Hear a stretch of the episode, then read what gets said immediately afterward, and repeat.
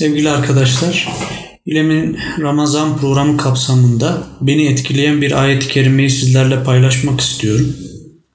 Bu ayet-i kerime Lokman suresinin 13. ayeti. Ayet-i kerime şu şekilde mealen. Sevgili oğlum, Allah'a ortak koşma.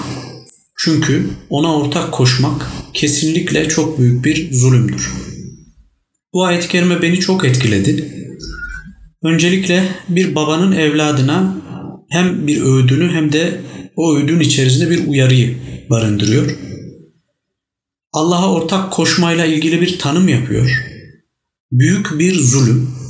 Ben e, şirkle ilgili böyle bir tanım yani şirkin büyük bir zulüm olarak e, tanımlanmasına e, zannediyorum daha önce çok dikkat etmemiştim.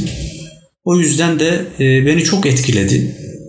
Daha sonra gerek okumalarım, gerek, gerekse hayat tecrübemde şununla yüzleştim.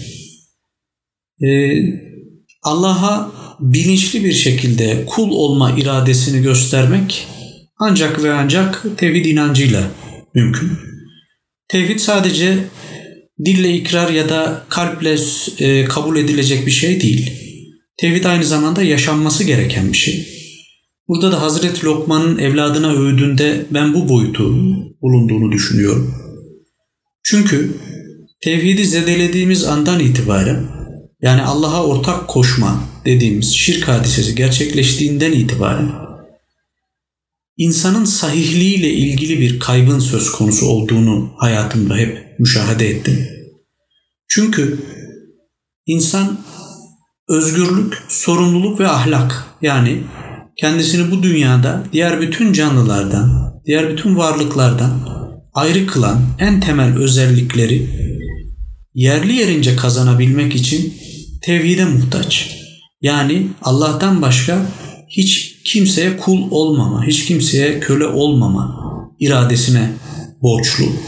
Aksi takdirde insanların kendi aralarında ürettikleri ekonomiye bağlı, siyasete bağlı, hiyerarşik ilişkilerin bir sonucu olarak e, güç ve faydayla ilgili beklentilerin sonucu olarak insanların birbirine mış gibi yaptıkları e, sahte ilişkiler e, bu e, özgürlük, sorumluluk ve ahlakın yerini alıyor.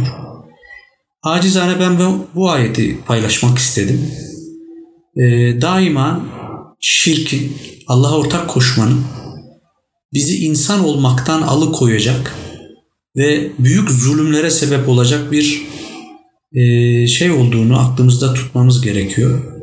Bu yüzden bu ayet-i kerimeyi genç arkadaşlarımızın da üzerine düşünmelerini arzu ederek paylaştım. Hepinize hayırlı Ramazanlar diliyorum. Allah'a emanet olun. Teşekkür ediyorum bu program için ayrıca.